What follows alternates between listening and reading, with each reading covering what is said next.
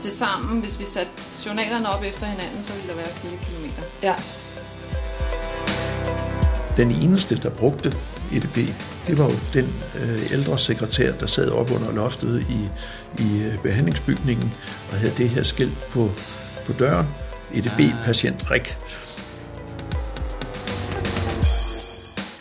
Goddag og velkommen til 49. udgave af Stetoskopet. I dag der sidder vi Ida Halvorsen og mig, Bjørn Wiel, ved mikrofonerne. Desværre så er der jo gået en hel måned siden, at vi sidst udkom, og det skyldes, at kræfterne øh, har været lidt svingende sådan i vores redaktion. Øh, der er nogen, der er blevet læger, øh, mig selv inkluderet. Men heldigvis så har vi snart øh, en masse nye øh, ansigter klar på øh, redaktionen, der kan være med til at give det et skub, og forhåbentlig så går der ikke så længe før, at vi igen udkommer hver 14. dag. Og i dagens afsnit, øh, der skal I møde to forskellige personer. Den første, det er Camilla, og hun arbejder i Centraljournalarkivet på Sjælland Universitetshospital i Roskilde og i Køge. Og hun skal fortælle os lidt om, hvordan papirjournalen i dag bliver brugt, og samtidig også om, hvordan den i gamle dage øh, blev brugt, og hvad deres rolle har været i forhold til den. Så skal vi også snakke med Jens, som var den første og eneste medarbejder i IT-afdelingen på Viborg sygehus. Øhm, og det går helt tilbage til 70'erne, og så skal vi egentlig arbejde os langsomt op og høre om den øh, teknologiske udvikling. I hovedstadsområdet har der været et stort fokus over den seneste stykke tid på sundhedsplatformen, hvilket også har ført til et fokus på elektroniske patientjournaler generelt.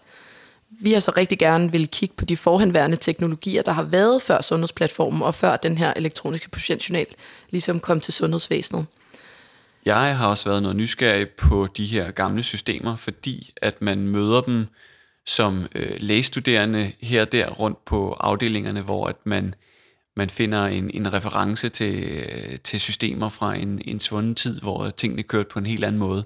Og så står man der med en, en halv viden om et eller andet, der har været en gang, og kan ikke helt forstå det måske. For eksempel så har jeg haft et vikararbejde som lægesekretær, hvor at der var en del snak blandt de ældre sekretærer om det her røde system, som vi kommer til at høre mere om fra Jens senere. Ja, og som folkesundhedsvidenskabsstuderende, så har man jo egentlig ikke meget kontakt til de her kliniske systemer, eller særlig meget viden om det, men det er stadig relevant, fordi at det netop er den elektroniske patientjournal, der muliggør de her systematiske data, som øh, man som folkesundhedsvidenskabsstuderende sætter utrolig meget pris på, er muligt. Hej Camilla, det er Ida. Hej, det var fordi jeg står ved rundkørslen. Øhm, det lyder godt, og vi er enige om, det er den ude foran hovedindgang, ikke? Ja, det var godt. Øh, ja. Jeg møder Camilla en onsdag eftermiddag klokken halv tre, direkte efter arbejde. Og jeg går ned og møder Camilla, som bor i kælderen, sammen med hendes kollega Hanne og hendes anden kollega Hanne. Og nu skal vi ud på en guided tur med Camilla i Centralarkivet. Så er vi i gang. Vi kan starte med at gå den her vej. Ja, lad os gøre det. Jeg lavede mig fortælle, det her har været sådan en gammel cykelkælder, Ja. som så blev lavet til arkiv på et eller andet tidspunkt. Okay. Og vi har jo simpelthen bare en masse reoler Ja. journaler. det er derfor, det er sådan lidt det små rum, med, og så har man kunne sætte reoler op, Ja. og når der var manglet plads, så sætter vi bare en reol mere op, eller laver et rum med, med et elektronisk Ja, hold da op. system. Altså det skal lige siges, at vi, altså, vi står og kigger på nogle reoler, der er lige nu automatisk, det du trykket på en knap, simpelthen øh, drejer fra hinanden, og så øh, kommer der, bliver der lavet kæmpe gange. Hvor man kan gå ned og finde journaler. Ja. Og du kommer også til at se fjernarkivet, hvor det er manuelt. Og systemet faktisk med øh, journalerne, i forhold til, at du kan se, at de er tapet med nogle forskellige farver. Øhm, Ja. og det har faktisk noget at gøre med, hvilken, hvilket CPR-nummer det er, Ja. hvilken fødselsdag det er, øh, og hvornår de sidst har været i forløb. Okay. Så, så det er sådan en slags kode, vi bruger for at kunne, kunne fremfinde det, Ja. ja. eller sætte det rigtigt på plads. Og hvad er det nyeste så? Hvis, øh, hvornår ved I, at den er blevet brugt sådan cirka for nylig? Øh, jamen, så er det en lyserød farve, fordi det her nede indikerer årstallet, Ja. hvornår de sidst har været forløb. ja Og her kan du se, at der er en 3-4 forskellige farver. Og de røde indikerer så datoen, hvis jeg lige Nå, tager okay. en. Så kan du se her. Det er en person, der er født den 25. 7. 49. Så er der sat tape på 20 Ah. og 5 og 7 for måned. Ja. Så der Og så, når jeg sætter den på plads, så kan jeg se, at den står sammen med, med andre, der er, har den 25. i 7. Og, man, og det er jo sådan med journaler, man kan ikke sætte en, en journal nogenlunde rigtigt, eller Nej. nogenlunde forkert. Det, den har en plads. Hvor stort er det her lager sådan cirka? Altså, hvor mange rum har jeg? Ved du noget om det? Fordi Jamen, vi går altså, igennem vi en har masse jo- små gange her, kan man sige. Ikke? En masse, en masse små rum med en masse reoler. Altså vi har, øh, nu skal jeg lige tælle efter, vi har et hovedarkiv, så har vi et annex, vi har et fjernarkiv, så har vi to morsarkiver, Ja. og så har vi et arkiv i kælderen. Hold da. op. Og til sammen, hvis vi satte journalerne op efter hinanden, så ville der være 4 kilometer Ja. materiale. kilometer. Ja, Altså hvis du tager alle, Alle. Altså, journaler op ved siden af hinanden. yes, Hold i en lang række. Ja. Så er der 4 kilometer simpelthen. Ja. Og her har vi et gammelt monstrum, det er en Ja. mikrofilm læser. Uha, og hvad kan sådan en? Øh, jamen, nu tænder lige lyset. I perioden 1990 til 1994, der valgte man at tage billeder af patientjournalerne og putte på mikrofilm. Ligesom man i, kan se, hvad hedder det, aviser på mikrofilm på biblioteket. Ja. Så har man simpelthen valgt at nedfotografere, fordi så, så fylder det mindre. Det gør bare, at der er en periode, hvor at, at hvis der kommer nogen og vil have agtindsigt i deres journaler fra og var indlagt i 1992, så skal vi ind og manuelt og kigge okay. i et register, om de var der, og så skal vi se, hvilken rulle det ligger på. Så skal vi ind og finde det, og så skal vi sætte det til det der monstrum. Okay, så I bruger det simpelthen stadig aktivt. Så sent som for et par måneder siden, der havde vi gang i noget. Ja. Ja. En, der skulle have bekræftet en, en skadeseddel fra, fra 1994. Og så var det den der, I Ja. skulle i gang Ja. med. Ja, altså fungerer den ube, ubesværet, eller? Den fungerer. Problem, ja. Det store problem med den er, at vi kan ikke tage print af den. Nej. Så, så hvis der er nogen, der skal se noget, så skal de hen, herhen fysisk Okay, simpelthen. og stå og læse det. Ja. Øh, og det giver nogle udfordringer. Især hvis patienten gerne vil have ja. en kopi. Jeg spørger, hvorfor droppede man mikrofilmen? Det ved jeg faktisk ikke. Jeg tror måske, man har fundet ud af, at det, øh, det var måske ikke så smart alligevel. Fordi det der med at, at skulle fremsøge det øh, på, på mikrofilm, og ikke kunne tage et print af det, det gjorde det mere besværligt, når øh, for eksempel lægen eller sygeplejersken skulle, skulle læse notatet. Øh, så er det ikke så let tilgængeligt, som hvis det lå et stykke omslag, hvor man lige kunne slå det op med det samme. Det er Hanne. Hej Hanne.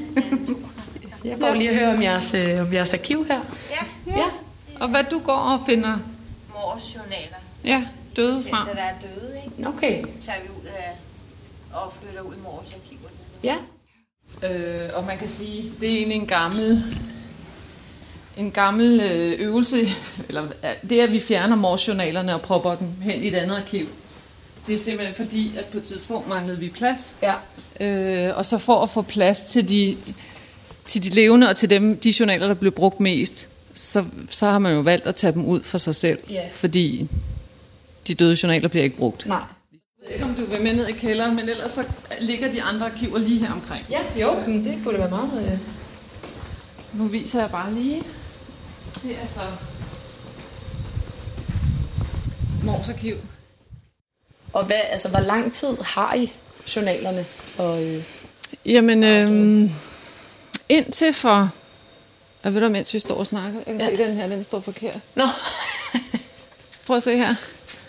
6 og 5. Ja, der er Og det er simpelthen det visuelle, der gør, at jeg fanger den. Ej, det er sjovt, ja. Så hapsede du lige den. Ja. Jamen, du har et falkeblik for Ja, det. det har jeg. år. Ja. Øh, jamen, for, for mange år siden, eller indtil for 3-4 år siden, der har vi simpelthen beholdt ravl og krat. ja. Og man har valgt at sige fra sygehusledelsens side, øh, vi skal ikke kassere noget, fordi det kommer patienten til gode, hvis, hvis vi har noget materiale. ja. Øhm, men for, for fem år siden, 4-5 år siden, der, øh, der fik vi så mange pladsproblemer, altså skulle vi til at have, have nye lokaler, hvis vi skulle opbevare alt. Og så valgte man så at gå ind og sige, at I må godt kassere. Øhm, I må godt kassere Der blev lige fundet endnu en fejl, skal det sige. I må godt kassere øh, morsjournaler, hvor patienten har været død i over 10 år. Okay. Fordi ifølge loven skal vi bevare alt i 10 år. Ja. Siden sidste forløb. Ikke?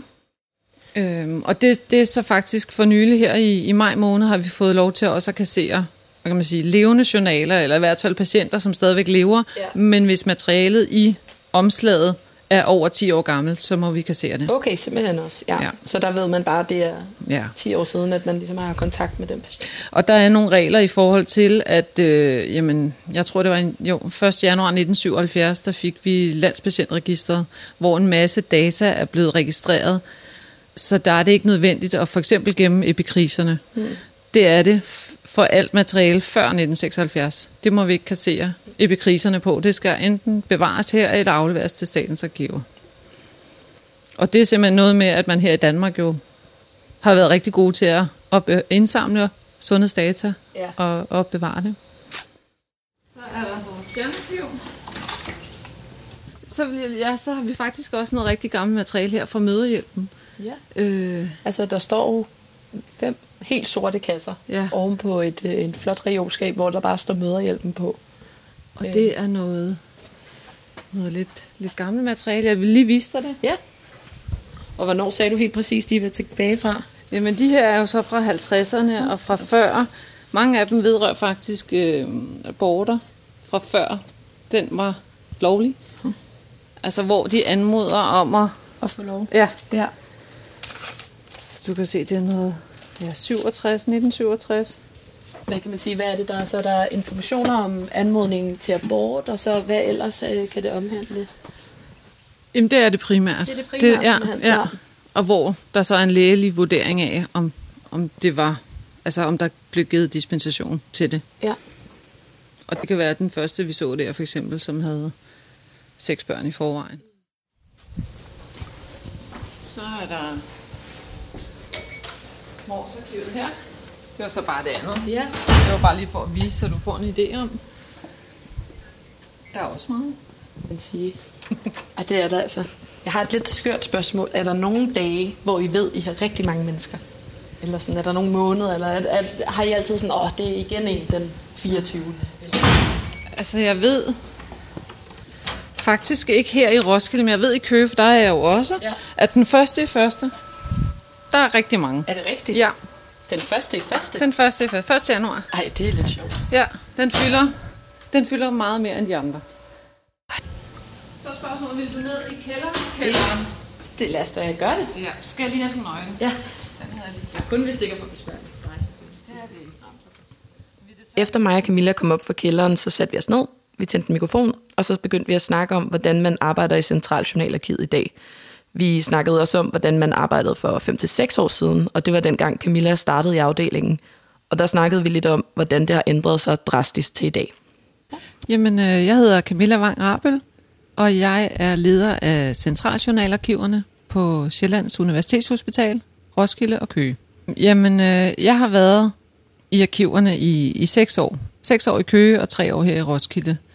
Øhm, og vores kerneopgave er og, og har altid været øh, papirjournalen. Altså selve den enkelte patients journal med omslag rundt om.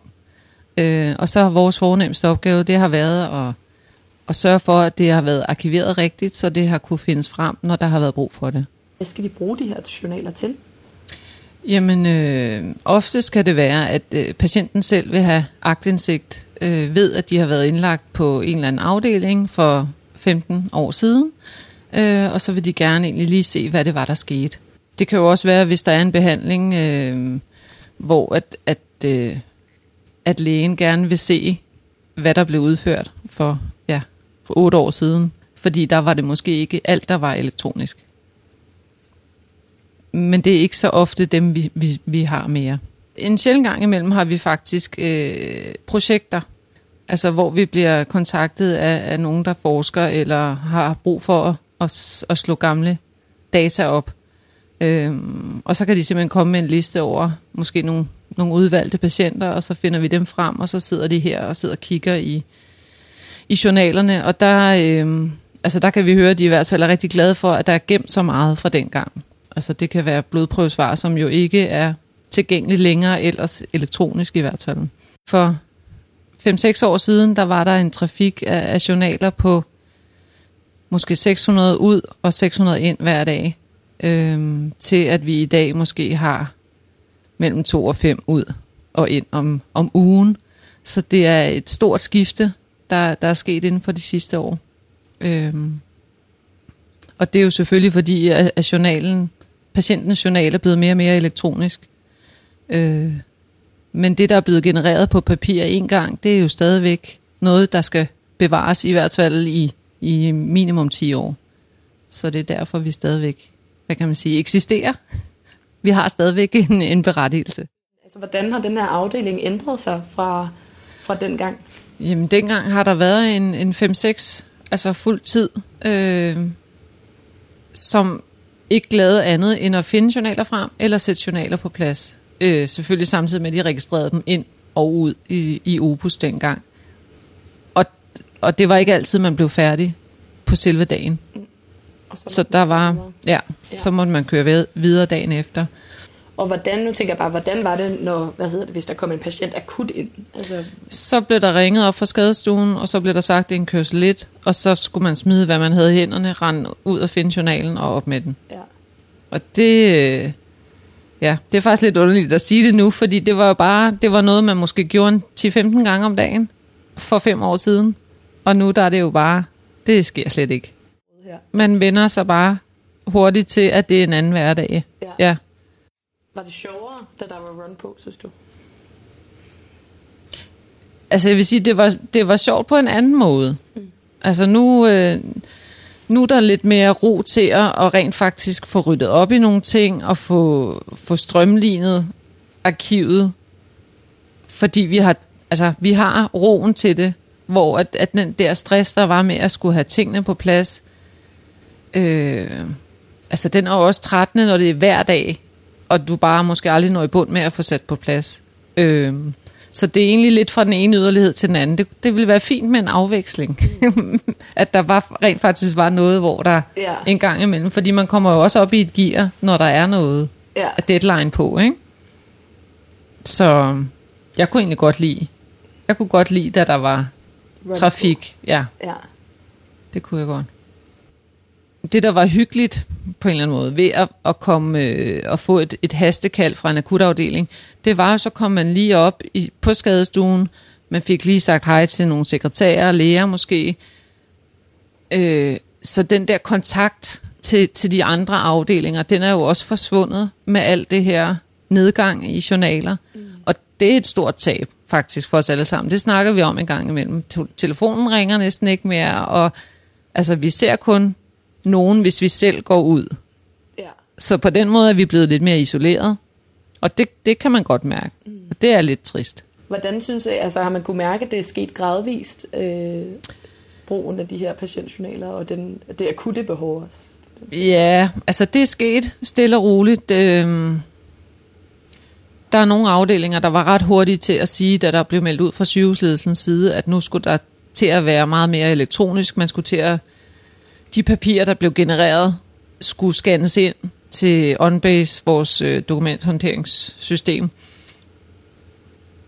Det var der nogle afdelinger, der omfavnede og sagde, at det gør vi bare fra start. Og så var der nogen, der var længere, længere om det, øh, og som gerne ville holde fast i papiret. Øh, så, så på den måde var det egentlig en, en fin overgang og nedtrapning til, at, at der jo stort set ikke er nogen trafik nu. Men, men øh, det har nok taget en, en to år, vil jeg sige, fra der ligesom blev meldt ud, nu skal den til at være, nu skal journalen til at være mere elektronisk, og så til at de sidste afdelinger gav slip.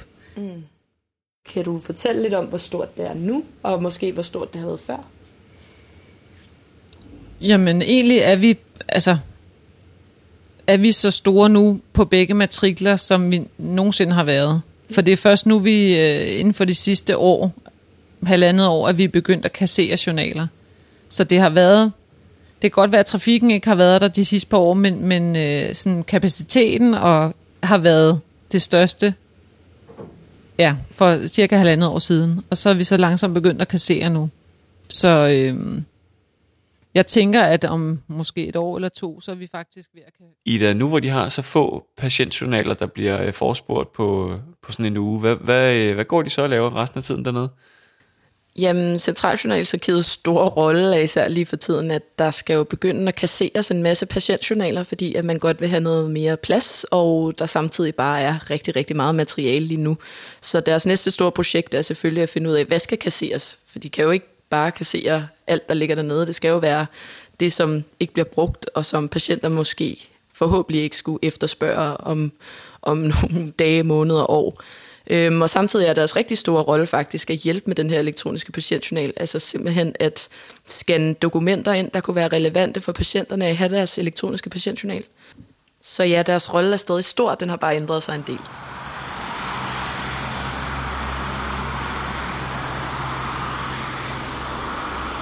Ja, jeg sidder i Viborg, øh, og ligesom at øh, min øh, diktafon her, den tændte, så slog klokken 12. Og nu skal jeg ind og spise frokost med Jens Grønlund og snakke om gamle dage. Så nu håber jeg, at jeg kan finde adressen. Ups. Jeg skal lige have det hele med mig.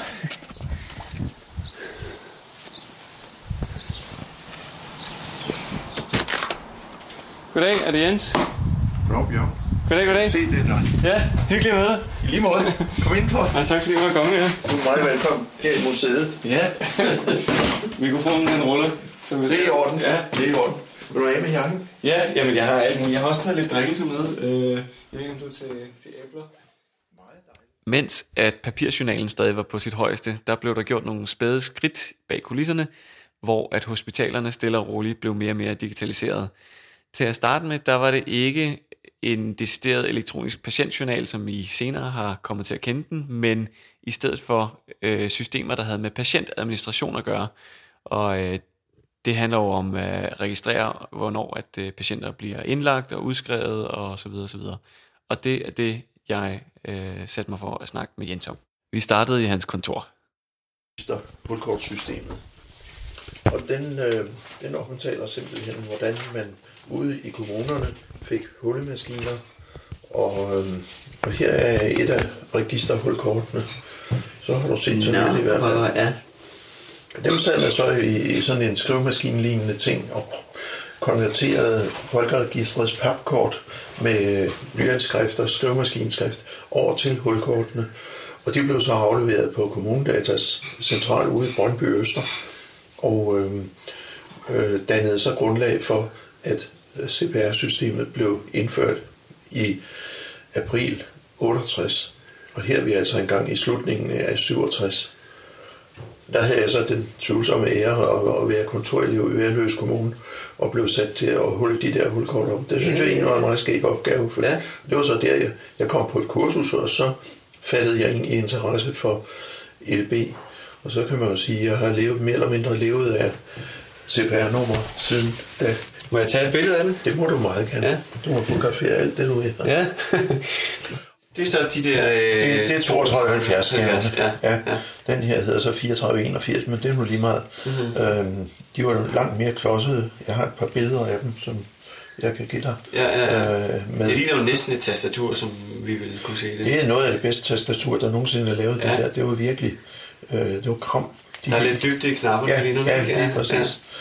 Ja. Jeg har et billede af en øh, sekretær, der sidder ved en skærm. Der kan man ligesom se, hvor elendig ergonomien var i det. Ja, ja, ja. Øhm, og det samme med, med de her printere. Det var dengang, at der kom laserprintere til. Jeg fandt lige her. Øh, en eller anden yngre udgave af mig, der optræder der. Hen, hensynet til patienterne og borgernes idéer og krav. Bla bla bla. Ja, ja, ja. Nå, hvad, hvad over det her så? Det må være, lad os nu se, ja, det er S400, øh, vi havde fat i øh, sidst i 80'erne. Ja, Sidste jeg kan 80'erne. kende, øh, Ja, kende det, det ja. sig selv. Jamen, Viborg sygehus har øh, gjort en del i, eller ikke gjort en del, men har lavet en del PR for, øh, øh, for, for EDB-anvendelse. Ja. Jeg tror faktisk, vi har her er også en. Viborg sidder forrest i EPJ-toget. Ja, ja. Øhm, det var noget, der hedder Indblik, som VM-data lavede. Det forgæng.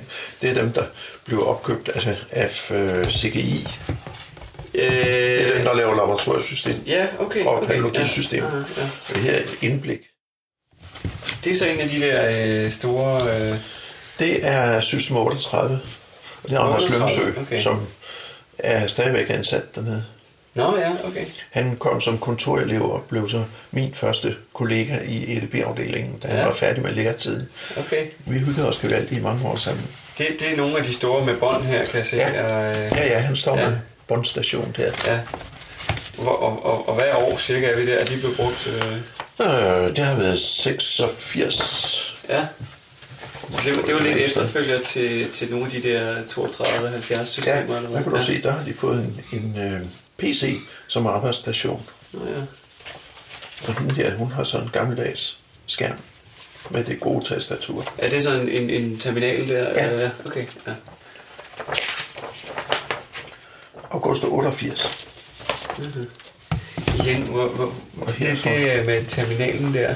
Det kan også være, at... Det er du meget fascineret af. Ja, ja, ja, det er det også lidt så anderledes jo, ikke? End, øh, Ja, jeg har nogle billeder, dem tror jeg lige, vi lige ser.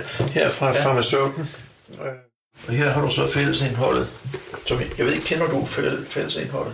øh, Det er fællesindhold for registrering af stationære patienter. Det findes også for ambulante patienter, det findes for patienter osv.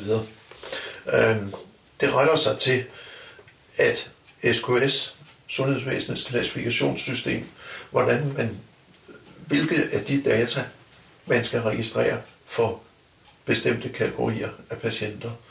Øhm, I 76, da den udkom her for første gang, øhm, der fylder den 30 sider, og i 2010, som er det sidste år, jeg var operativ i, der tror jeg, den fylder,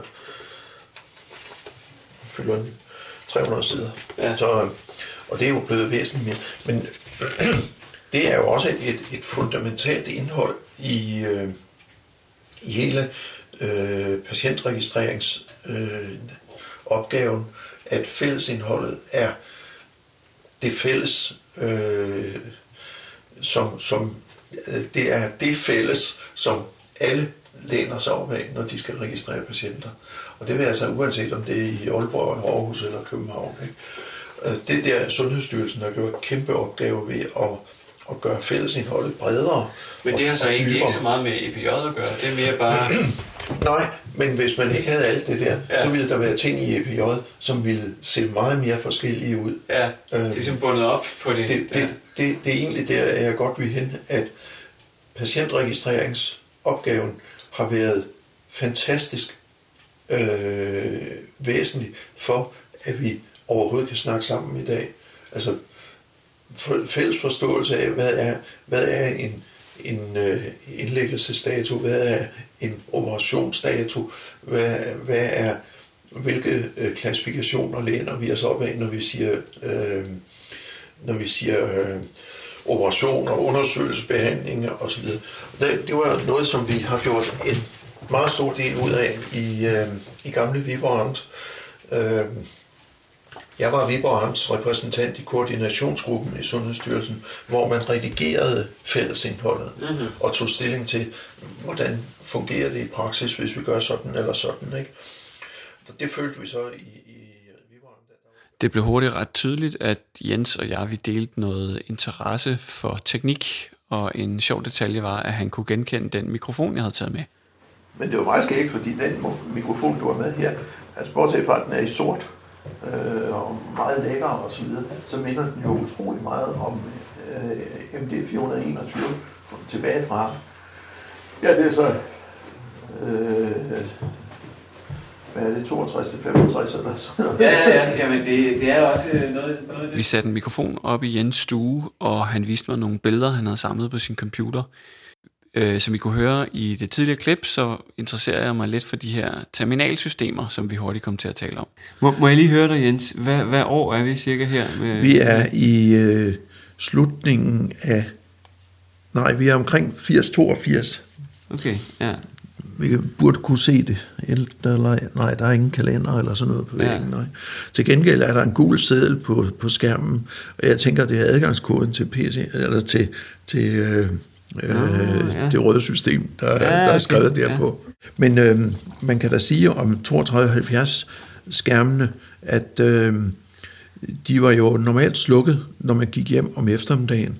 Ja. Og så når man tændte dem, så gik der et minuts tid, øh, så kom der et øh, billede fra sygehusdatacentret i Aarhus, hvis der ikke havde været nogen gravkøer på tværs af vejen øh, i nattens løb. Men, men jeg skal lige have fat, så man sidder ved en maskine, men det billede, der bliver vist, det bliver ligesom genereret et andet sted? Eller? Det bliver genereret i Aarhus Okay. og sendt ud via, øh, ja, jeg, jeg kan ikke huske, hvor, hvor hurtige de linjer vi havde, men øh, her i 8082 mener jeg stadigvæk, vi havde 9.600 bo-linjer, Ja. og det vil jo altså svare til, at, at vi kunne vente fra nu af og så til Mikkelsdag på at få bare et almindeligt foto overført. Jo, ikke? jo, jo, jo. Øh, der kom et skærmbillede af gangen, og samtidig, hvis det ikke gik så hurtigt, så kom der sådan fem linjer, og så kom de resten af billedet. Ja, ja, ja. Det var rimelig frustrerende at se på. Også fordi, øh, hvis lægesekretæren fik tastet enter, og så der var lang svartid, så kan det være, at de data slet ikke blev registreret i den anden ende, fordi der nåede at komme fejlmelding. Ja. den anden vej. Okay. Så altså uden den forbindelse der, der var det der fuldstændig ubrugeligt, eller hvad? Totalt ubrugeligt. Ja, ja. Okay. Ja. Øhm, hendes arbejdsplads er jo præget af, at terminalbordet var lavet med en flytbar hylde til tastaturet, øh, fordi selve tastaturet var 5 cm højt, og så for at man ikke skulle overbelaste albuer og håndled og så videre, så fik vi lavet de der terminalbord. Det gjorde så, at hun kunne til, gengæld, hvis hun var langbenet, ikke have sine ben i ja. under, så hun sidder lidt akavet der. Nede til højre, der står kassen, eller kørevognen med journaler. Mm. Det var simpelthen patientjournalerne i det ambulatorium, der stod dernede. Ja. Og øhm, ude til venstre har vi skrivehjulsprinteren, øhm, et frygteligt larmende instrument, og med endeløse baner, altså ikke papir i ark, men øh, Okay, ja. med, med mavenhuller, og som jo ikke holdt A4-størrelsen, fordi amerikanske 12 tommer i højden, det er lige 6-7 mm større end, Nå. end A4. Og det gjorde jo så, at alle journalerne, de så også krøllet ud altid i hjørnerne, for fordi ja. bare 6-7 mm, det gør altså underværker i kunne forhold bare til have købt nogle større mapper eller et eller andet, men det... det kunne man godt. øhm, Hvad hedder det, hvis vi lige vender tilbage til det der med, så, så man tænder sin, kommer på arbejde som sekretær og tænder sin, sin terminal, og hvad, så kommer der et eller andet billede. så kommer der et billede, hvor der står øh, RS, sådan i stiliserede bogstaver, lavet, lavet af andre bogstaver, fordi det var jo ikke en grafisk skærm. Der var øh, 80 karakterer på tværs af skærmen, og der var 24 linjer på højden. Og det vil sige, at når man skulle skrive et- et stort R, så, så brugte man måske øh, 7-8 linjer på at, at, at, at, at tegne R'et og S'et med andre små bogstaver. Jo, jo, jo. Og, Og så- det, var, det, det var så et rødt system? Det var hvad? rødt system, ja. okay. Og så for neden i skærmbilledet, der var så øh, plads til indtastning af bruger-ID og adgangskode. okay. Og det var jo øh, det var et gevaldigt postyr, fordi alle de der adgangskoder, øh, de skulle oprettes via sundhedsforvaltningen, og der sad så en, en øh, medarbejder, og vi, vi skrev, øh, vi havde nogle blanketter, som øh, brugerne, slutbrugerne skulle skrive under på, og som vi så sendte til forvaltningen, og så skulle vi samtidig skrive, hvilke afdelinger de måtte have adgang til, og hvilke procedurer i det røde system de måtte have adgang til. Det fik sundhedsforvaltningen så konverteret til nogle tilladelser, og så kom der et anbefalet brev tilbage til vedkommende slutbruger med adgangskoden og besked om at æde brevet, når de havde lært koden ud. Ja, ja, okay. Hvad, var, altså, det, var det ud fra sådan en, en, øh, en frygt for at, at blive hacket, eller var det mere sådan, at man skulle vide, hvem der gjorde hvad? Eller Nej, det, det her det er på et tidspunkt, hvor det at blive hacket, det er overhovedet ikke aktuelt, fordi ja. ja. det var ikke opfundet endnu. Nej, nemlig ikke. Øhm, jeg tror, at det var ud fra, øh, og registerloven var jo heller ikke opfundet på det tidspunkt her, men det var vel ud fra, at det er sundhedsdata, vi har fat i, og øhm, at vi, vi skyldte jo alle, at øh, de data, vi håndterede, at de også blev håndteret på sikker og fortrolig vis. Mhm. Mm-hmm. Ikke et ord om, at hele journalen stod i den der hængemappevogn ved siden af. Nej. Og jeg, altså, den kunne man gå med, hvis det var. Men øh, EDB, det var, det, var, det var lidt farligt. Jeg tror, at Jens han brugte ordet farligt lidt for sjov, men det er måske alligevel ikke helt ved siden af. Uh, på det her tidspunkt, der er det jo ikke mere end cirka 10 år siden, at uh, Stanley Kubrick-filmen 2001 A Space Odyssey, at den havde premiere, hvor at, uh, at den antagonisten af den her onde, selvbevidste computer, Hal, der øh, undersøgte lidt, hvad der fandtes af gamle computersystemer fra den her tid her, der øh, faldt jeg over et klip på YouTube, hvor at en BBC-journalist han fremviser en computer og en tilhørende lightpen, der i sig selv er en ret fed øh, opfindelse fra den her tid, hvor man faktisk kunne tegne med en pen på en gammeldags øh, billedrørsskærm, og det er jo altså i 60'erne, det foregår. Øh, det sjove det er så, hvordan han slutter den her øh, præsentation. Prøv at høre her. This invention clearly adds a whole new dimension to the capabilities of computers. With it, they will be able to take over even more of our everyday routine activities. But no matter how sophisticated computers become, we must remember that it is still we who are the masters, and they the servants.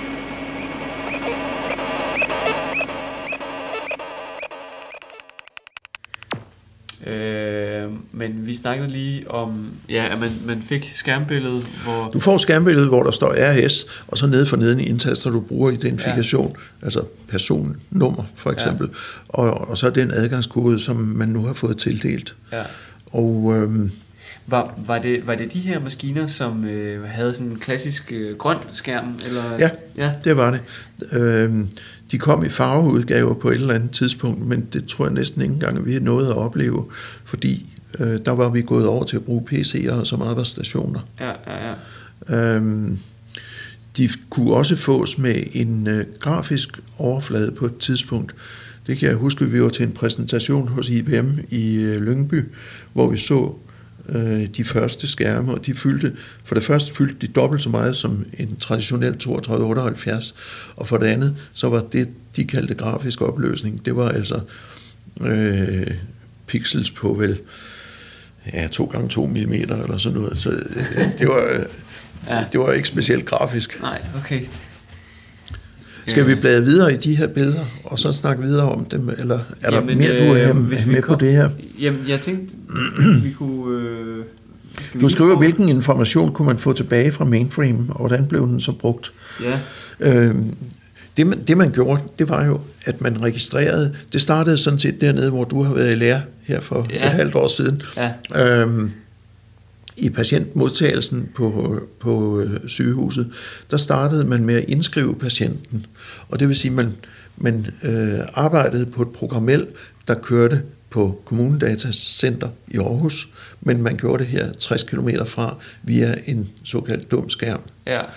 Når de data var lagt ned hos Kommunedata, så kunne andre, som også havde forbindelse til øh, Kommunedata, så kunne de gå ind og trække de data. Ja, ja.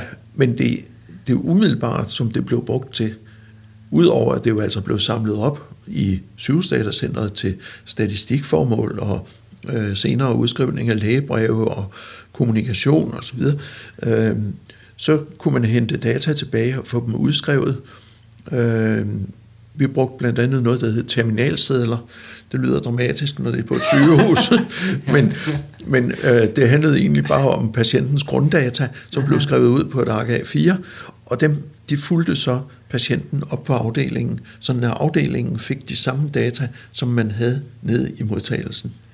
Og det lå så i journalen, og når patienten så blev udskrevet, så sendte man terminal, skrev på terminalsedlen, nu er patienten udskrevet til hjemmet for eksempel, eller til øh, plejehjem, eller hvor den nu var, og så sendte man øh, kun- hvad hedder den, øh, terminalsedlen ned i patientkontoret igen, hvor man så registrerede, at nu er patienten udskrevet. Okay, så man Det kommer var- ind som patient, og så bliver det registreret, at nu er man på sygehuset, Ja. og det er i Skyby, at det bliver registreret. Ja, Og så sker der alt, hvad der nu sker under indlæggelse, og så bliver man termineret til sidst. Ja. Øh, ja. Og undervejs så har lægesekretærerne så været inde og få diagnoskoder på, øh, operationskoder, øh, måske overflytning til en anden afdeling, Ja. øh, og, og til sidst fået udskrevet et lægebrev, øh, som så kom ud på papir til at begynde med. Først fra 596 begynder vi at sende dem elektronisk. Og et- lægebrev, det... Epikrisen. Epikrisen, Undskyld. Ja. Ja. ja. Øh, og, og man kan sige, så der er en læge, der har siddet og skrevet en epikrise i hånden måske, og så... Ja, eller også har han indtalt den, og så sidder Okay, ja. sekretæren med dutterne i ørerne, og ja. alene der var jo en opgave, da vi øh, begyndte at bruge øh, elektroniske epikriser, fordi så var lægerne jo nødt til at rette sig efter, hvilken rækkefølge af felterne kom på, som sekretæren skulle taste ind i, så hun ikke skulle sidde enten at køre frem og tilbage på diktafonen, eller også sidde og flytte skrivemarkøren op og ned i skærmbillederne. Mm, ja, ja. Det var sådan en rent praktisk ja, øvelse. Ja, ja. Jamen, det kan jeg da også huske fra, fra nutiden. Altså, der øh, nede på skadestuen nu, hvis man kom med det hele i en forkert rækkefølge, det var jeg heller ikke så glad for. altså. I det hele taget har sekretær stor magt. Jo, jo, jo, det er rigtigt. Ja. I efteråret 2016, der arbejdede jeg i skadestuen på Viborg sygehus, og det er altså det, vi snakker om her, at jeg har stukket hovedet ind i de samme lokaler, som Jens han har installeret EDB i for 40 år siden. På øh, det næste billede, han hævde frem, der øh, var der pludselig nogle Apple-logoer på det. Nå, ikke det. Her er øh, den første PC på Viborg sygehus. Ja, der er der nogle, øh, nogle logoer, jeg har set før. ja. Øhm. Jens fortæller, at han er på en messe, hvor der er en masse forskellige salg til offentlige øh, institutioner her blandt computere. Vi havde taget nogle øh, belægningsstatistikker for nogle afdelinger med, og øh, så gik vi rundt til de stande, hvor der stod skærme, og afleverede de her belægningsstatistikker og sagde, at kunne de præsentere dem for os øh, i grafisk form, så kunne det være meget interessant at snakke videre derfra. Okay. Da vi sad og spiste frokost, så kom der en fyr og, og sagde, jeg har, jeg har løst problemet, øh, hvis I lige kommer ned til os bagefter. Så var vi nede på deres stand, øh, og det var nogen, der hed Multiinform. Jeg ved ikke, om firmaet eksisterer længere, men... Øh, de synes da i hvert fald, det var, og det så meget godt ud, det de havde lavet af grafik. Øhm, så vi inviterede dem til Viborg til at komme og demonstrere det, og øhm, fik så øh, sygehusinspektøren med på ideen, og et par mellemledere, og der var en overlæge, der også skulle høres, og, fordi det var en ny teknologi det her, og vi sad vel en 10-12 mennesker.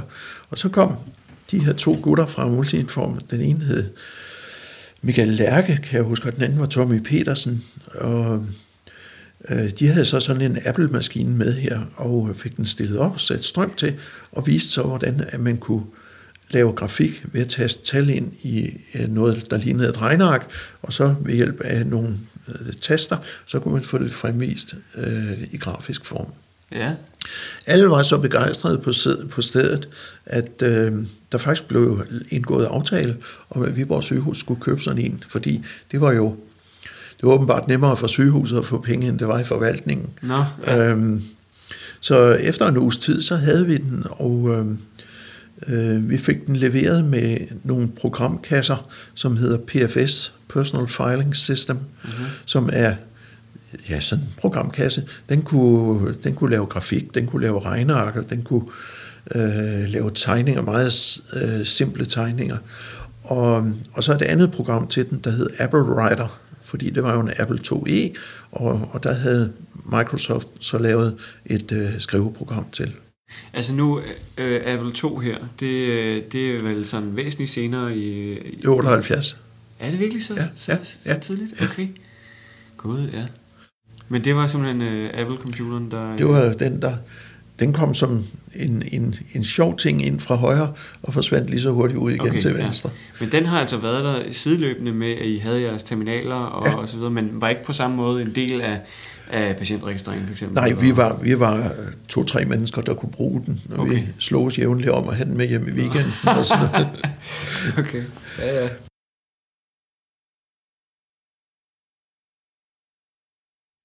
De her gamle Apple-computere, vi snakker om her, de er siden blevet kultobjekter blandt de moderne fans, og de bliver solgt til tusindvis af dollars øh, på eBay, hvis det er lige den rigtige øh, model med det rigtige modelnummer.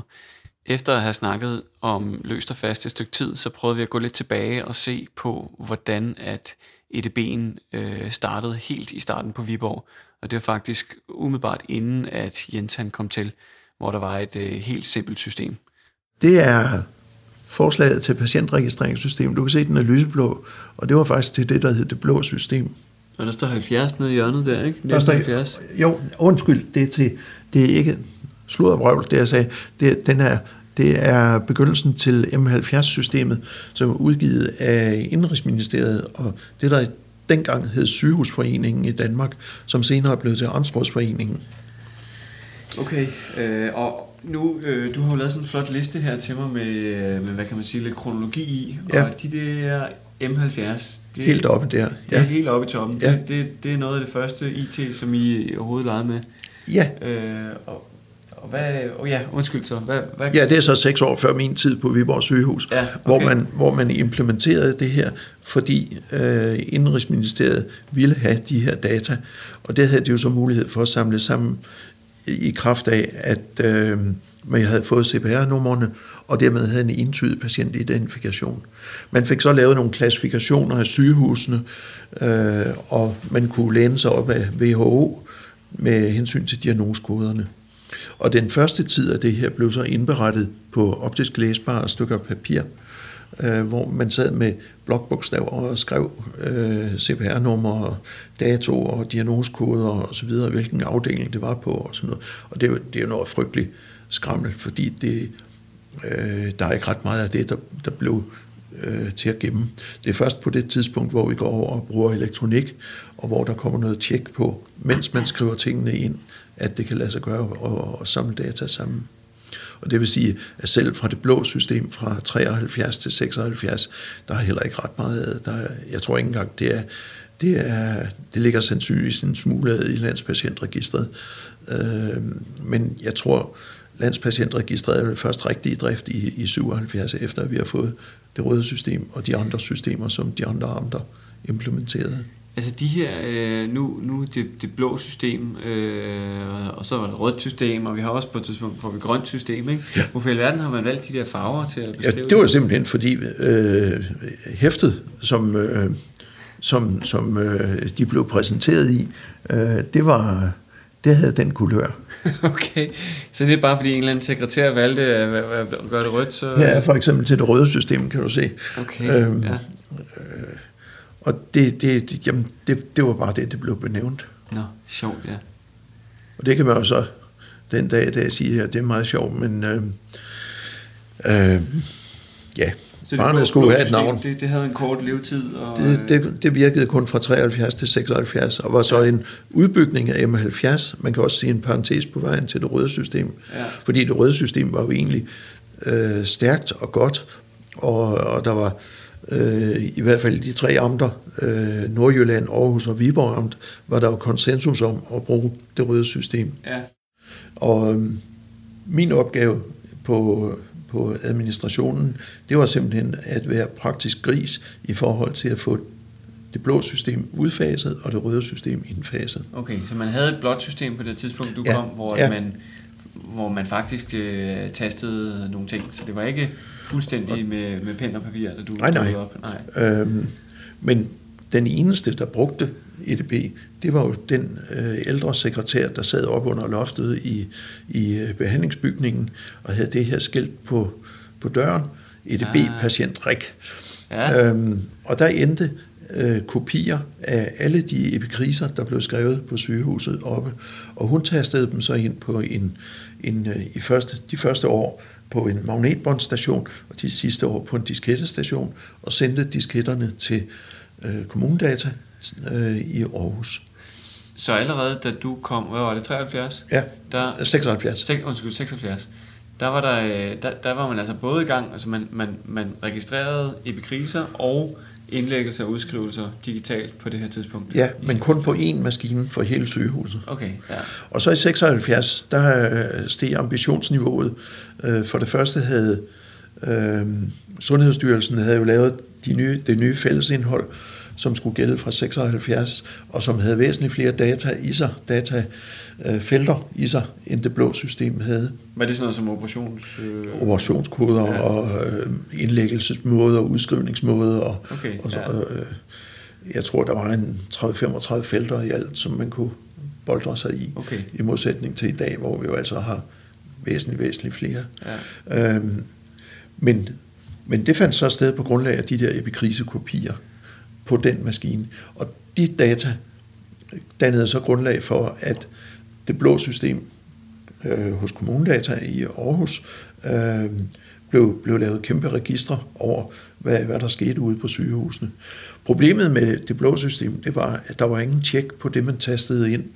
ja, Og det vil sige, at hvis data var forkerte, når de nåede til Aarhus, så røg de ud på en fejlliste. Okay. Og da jeg overtog øh, ansvaret for, for det der, der havde vi simpelthen, jeg ved ikke hvor mange kasser med Leporello-lister, med fejllister liggende, fordi der var ingen, der havde energi til at, at gå ombord i dem og finde ud af, hvorfor, hvorfor er denne rekord blevet afvist. Nej, okay. Og derfor så tror jeg, at hvis man skal, hvis man skal lede i registre, så skal man lede efter øh, 76, fordi indtil da, der var data måske i bedste fald inkomplette. Ja, okay. Og i værste fald helt, helt obskure Manglende. og manglende. Ja, eller fejlagtige, Mm, for den ja. ja. sags skyld. Ikke? Det eneste, man kunne tjekke ude, i, øh, ude ved registreringen, det var CPR-nummeret. Der havde regnecentralen opfundet sådan en lille, øh, lille maskine, hvor man øh, øh, tastede et CPR-nummer ind, og hvis det CPR-nummer var rigtigt, så lyste der en rød lampe, og hvis det ikke var rigtigt, så lyste der en anden lampe. Okay. Øh, men øh, det krævede jo, at man brugte den, og jeg tror, at den, den ældre sekretær, hun havde virkelig noget at rive i, fordi øh, det var jo, hun skulle dels tyde det, der stod på de epikriskopier. Øh, Det var måske 6. eller 7. kopi med karbon indimellem, og det, det, det har været rædselsfuldt arbejde. Jo. Men altså, da du kommer til Viborg, så er der så nogen, der har opfundet det her røde system? Eller? Ja, det røde system er blevet til ved, at øh, de tre amter, Nordjylland, Aarhus og Viborg, har sat sig sammen med kommunedata og videreudviklet på det, det blå system, og så fået lavet konsensus om, hvordan skal sådan et system se ud. Okay. Og det var der nogen i... Og kommunedata havde så programmeret det, og Okay, kommunedata ja. byggede deres nye sygehusdatacenter ude i Skyby, P.O. Pedersens vej. Ja. Øh, meget futuristisk byggeri på det tidspunkt, Ja, ja, ja. på vejen ned til IKEA. Ja. Øhm, og, øh, og det var, det var, øh, det var, det var sådan lidt, øh, det var nærmest hellige haller, når vi kom derned og, ja. og skulle til møder. Men det var, det var hyggelige folk og, og, og også dygtige folk, og de øh, gjorde da, hvad de kunne for at bringe det til at køre. Men vi havde jo udfordringen i, at alting skulle via kabler. Men det man kan sige, var det ikke en opgradering fra de bånd, I lige havde brugt inden? Øh, voldsom opgradering, ja. øh, fordi nu fik vi med det samme. Hvis man tastede noget ind, som ikke var valid, så fik man det i hovedet med det samme. Ja. Det har vel været en kæmpe milepæl, tænker jeg. Ja, ja, ja, og kvalitet af registreringerne er der helt klart steget mm. på det tidspunkt. Men altså, vi havde daglige driftsnedbrud, hvor øh, så var der et modem, der ikke ville, som vi ville, og så var der... Der var øh, den store forhindring, det hed telefonvæsenet, fordi på det tidspunkt, der havde vi noget, der hed Aarhus Kommunale Telefonvæsen, og så havde vi Rigstelefonen, og så havde vi Just Telefon her i Viborg. Og de tre telefonvæsener, de var ikke altid til at få til at møde op på samme tidspunkt, for at prøve, om der overhovedet var hul igennem linjen. Okay. Så hvis skærmen ikke ville tænde, så behøvede det ikke være, fordi øh, linjen var i stykker. Det kunne være kommunedata, der var nede. Det kunne også være, at Rigstelefonens linjeandel var nede. Og det var, det, det var simpelthen øh, ledet som en nål. Det kunne være i godt lige tage en eftermiddag eller to og finde Ja, det. Eller og man ja. blev skide frustreret, fordi folk de stod der og sagde, kommer det snart? Kan vi snart noget? Og sådan ja, noget, ja, ja. Okay, ja. Det var jo dårligt, at vi selv forstod, hvad der skulle ske. Ikke? Jo. Vi havde sådan en oversigt over, hvilke lamper, der skulle lyse på de her modems. og det var jo øvrigt nogle kæmpe modems, de fyldte jo Ja. ja. som en ølkasse. Jeg husker specielt en installation på kirurgisk sekretariat på Viborg sygehus, hvor der vel sad fem eller seks øh, sekretærer, øh, nogen mere stramtandede end andre, og, øh, og hvor man der var, der var et højt støjniveau i forvejen, og der var varme. Øh, over i det ene hjørne, der havde de yngre læger omklædning bag et forhæng. Og Det kan være, at sekretæren var meget tilfreds med det, eller hvad? ja, det ved jeg ikke. Jeg var ikke. Men jeg husker i hvert fald, at øh, jeg kom jo med en skærm og en printer, og det, det fyldte vel cirka en kvadratmeter hver, og det var simpelthen umuligt at lave, uden at flytte rundt på skrivebordene. Og sekretæren, de sad og knastede det bedste, de havde lært i deres skrivemaskiner, og værdigede mig ikke et blik. Der var jeg sgu godt nok ved at sige, det her, det er ikke mit job. Okay, ja. Øh, men vi fik, vi fik en snak om det, og så fik, blev vi enige om, at den kunne stå over det ene hjørne. Og så øhm, kom I lige øh, så kom og så I var der- netværkstikket i væggen? eller så var, så var der lige det problem, at der jo heller ikke var netværksstik nogen steder Ja. i, og det var en elgammel bygning, den var over 100 år gammel på det tidspunkt, og det at føre kabler frem i sådan en, det er, øh, det er ikke sådan noget, man lige trækker hen over loftet. Mm. Øh, der skulle både netværkskabel, og der skulle øh, bystrøm, altså 230 volt, 220 volt dengang. Øhm, og, og der var teknisk afdeling jo så på banen. Og så allerede der kunne der jo blive en lille, et lille intermezzo, fordi øh, teknisk afdeling måske havde en fornemmelse af, at sådan noget teknisk udstyr der, det måtte være dem, der skulle stille det op. Ja. Det kan jeg da huske, vi har diskuteret. Men det, det gik jo hverken værre eller bedre, end da der var gået to-tre måneder, så ringede de og spurgte, om ikke vi kunne sætte en skærm mere op, fordi nu stod de i kø for at komme af med deres data. Ja, okay, de, ja. de havde fundet ud af, at for eksempel det at skrive epikriser, at det var blevet noget nemmere, efter at de havde fået øh, det røde system. Og øh, de fik et smukkere produkt ud af Der var ingen overstregninger, ingen XXX. Og en del data, altså hele patientens basisdatasæt, og de oplysninger, som de havde indtastet om diagnoser, operationskoder, undersøgelseskoder osv., de kom jo automatisk med på lægebrevene. Og øh, det tror jeg måske var noget af det, der solgte rigtig godt. Ja. At, øh, at, at man kunne sige, at vi, vi får et smukkere produkt ud af, og vi sparer måske lidt tid på hver epikrise, vi ja. laver. Det røde system bygger altså på den her terminalteknologi, øh, 3270-systemet, som Jens han har øh, beskrevet. Og jeg synes lige, vi skal dvæle lidt ved nogle detaljer ved den. Øh, som Jens han nævner, så er der altså en dum skærm i Viborg, øh, der har direkte forbindelse til datacentret eller mainframe i Skyby. Øh, jeg har så fundet en gammel IBM-manual for de her 3270 terminaler, øh, med en kort beskrivelse af de dumme skærme, som Jens kalder dem, eller input machines, som manualen her kalder dem. Øh, og jeg vil lige læse en kort sjov del op. Most of the data needed to perform a job is produced by people. As a result, it is handwritten or typed on one kind of form or another. A computer cannot process this data. Jeg synes, det er helt absurd, at man på det her tidspunkt har øh, haft behov for at forklare folk, at man altså ikke kunne øh, bare give en computer et øh, håndskrevet notat, og så kom der et eller andet ud i den anden ende. Jeg har øh, fundet et fint lille reklameklip fra IBM fra øh, slut 70'erne, der øh, reklamerer for øh, netop den her terminalteknologi. Det er meget fint, det kommer her. My name is John Jasper. My son Jay and I come to the local lumber mills here in northern Idaho to buy the scrap wood that nobody wants. This wood was considered nearly useless, so the mills usually burned it. Now we're turning it into toys. The toys are designed and built by our fellow workers at Idaho Woodcraft Company. And children all over the country seem to love them. At our offices here in Nez Perce, Idaho, a small town, about 500 people. Not counting the dogs. We get orders from more than 4,500 stores throughout the United States. And this is where we get a helping hand from our IBM System 32 computer. Well, with the System 32, we have up-to-date reports on how well these toys are selling. It enables us to keep our inventory balanced and stay competitive. The System 32 has the ability to help us keep track of payroll, credit, and a wide variety of other business information. It's helping us grow. IBM, helping put information to work for people. Hvor lang tid havde man øh, de her terminalsystemer på hospitalerne? Altså, jeg tror, at de, til hvad? Ja. jeg tror, at de, altså, de kom jo ind i 76 øh, med det røde system, og det røde system tror jeg, at vi Amt forlader i 889 eller sådan noget. Øh, og det var simpelthen en omkostningsovervejelse, at øh, folk var blevet så glade for at bruge det, og vi havde fået så mange øh, skærme og printere øh, herunder en, en væsentlig del, var PC'er med 3270 emuleringskort i. Så de optrådte som en dum terminal over for kommunedata. Okay. Men vi havde jo, jeg kan ikke huske hvor mange, måske halvanden 200 skærme på det tidspunkt. Ja. Og øh, afregningen til kommunedata, den fandt jo sted efter, hvor mange epikriser vi skrev, hvor mange patienter vi indlagde, ja. hvor mange ambulante besøg, der blev registreret osv.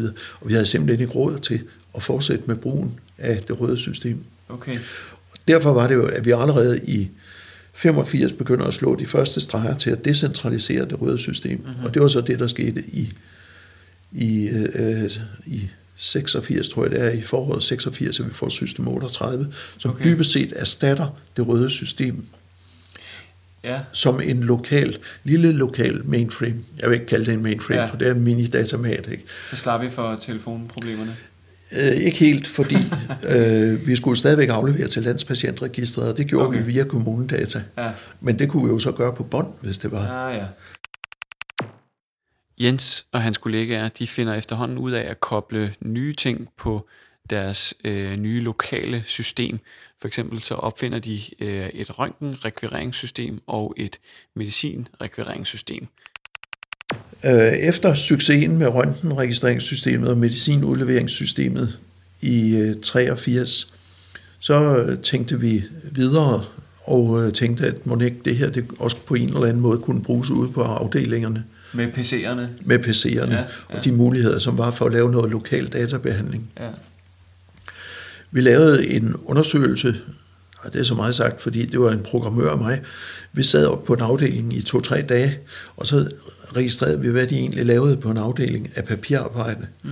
Og vi var ved at falde bagover af alle det papir, der flød ind og ud af afdelingen, og alle de forskellige blanketter, man havde. Mm. Øhm, vi prøvede at strukturere det, og så var det på det tidspunkt, at det såkaldte Irma-kort øh, kom. Det var en, en fabrik, Taiwan eller sådan noget, som lavede et øh, kort, der kunne sættes i en PC'er, således at den kunne lade som om, at den var en 3270 skærm.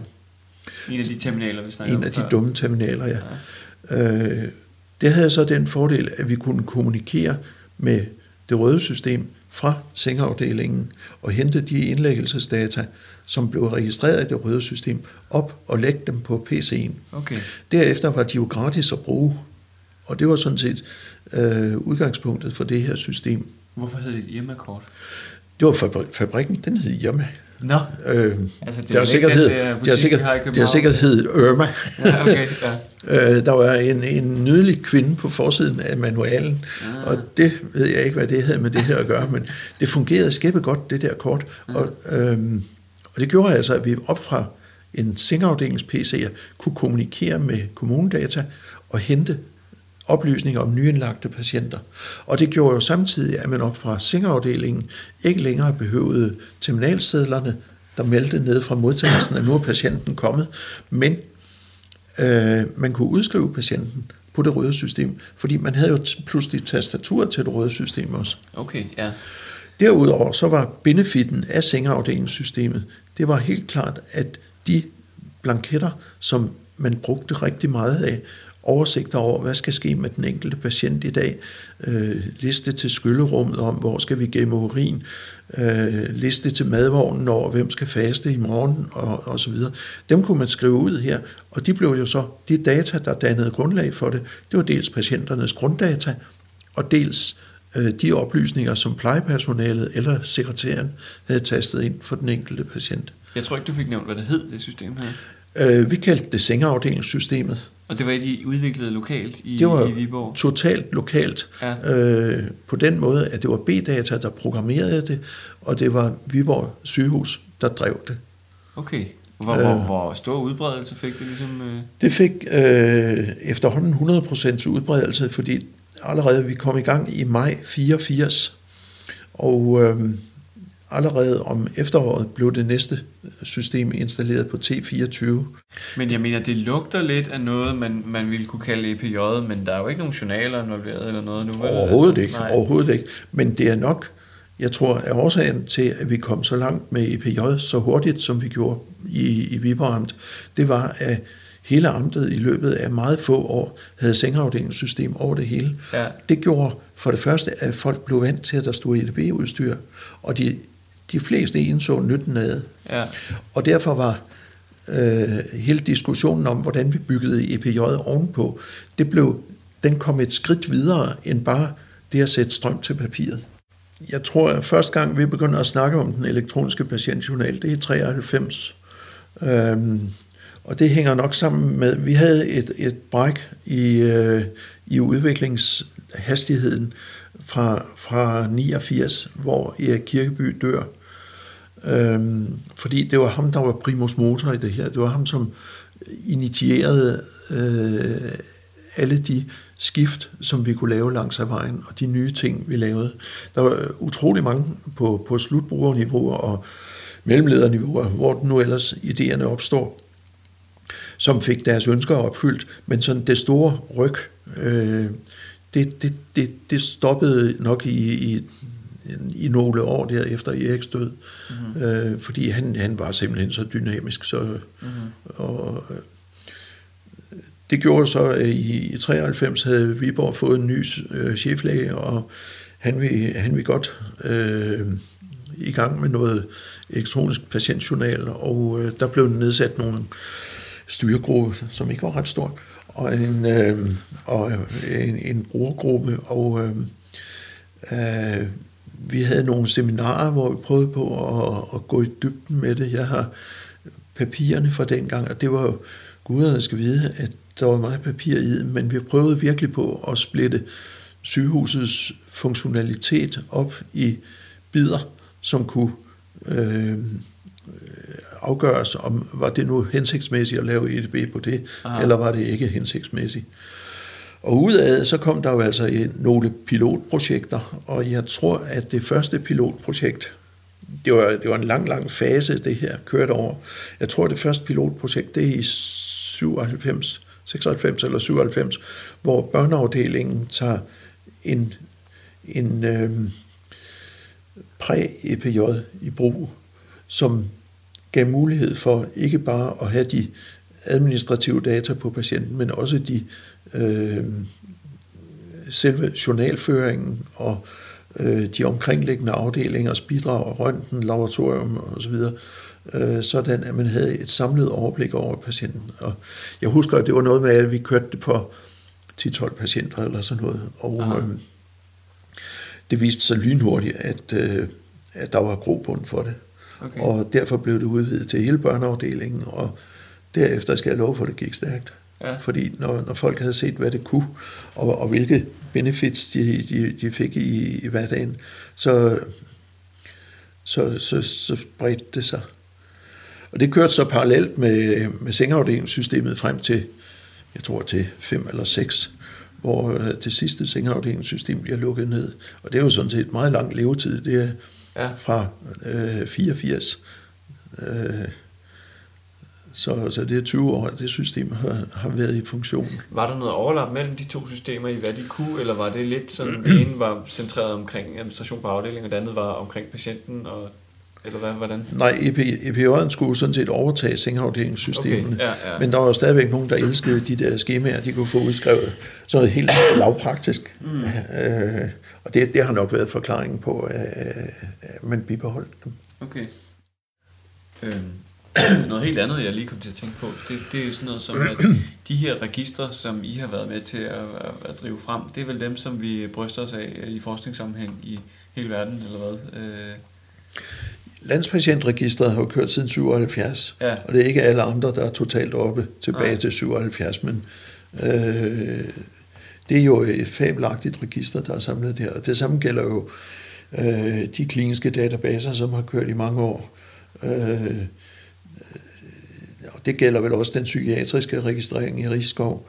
Og øh, det, der i øvrigt foregår af, af registrering, øh, jeg tænker folkeundersøgelser og, og, og sådan noget. Ikke? Sådan. Altså det man, det man finder i øh, landspatientregistret, øh, hvis man vil binde noget forskning op på det, er det det, som øh, der er en sekretær, der sidder tastet ind i øh, ja. 77? Ja. Det, det er faktisk øh, fællesindholdet.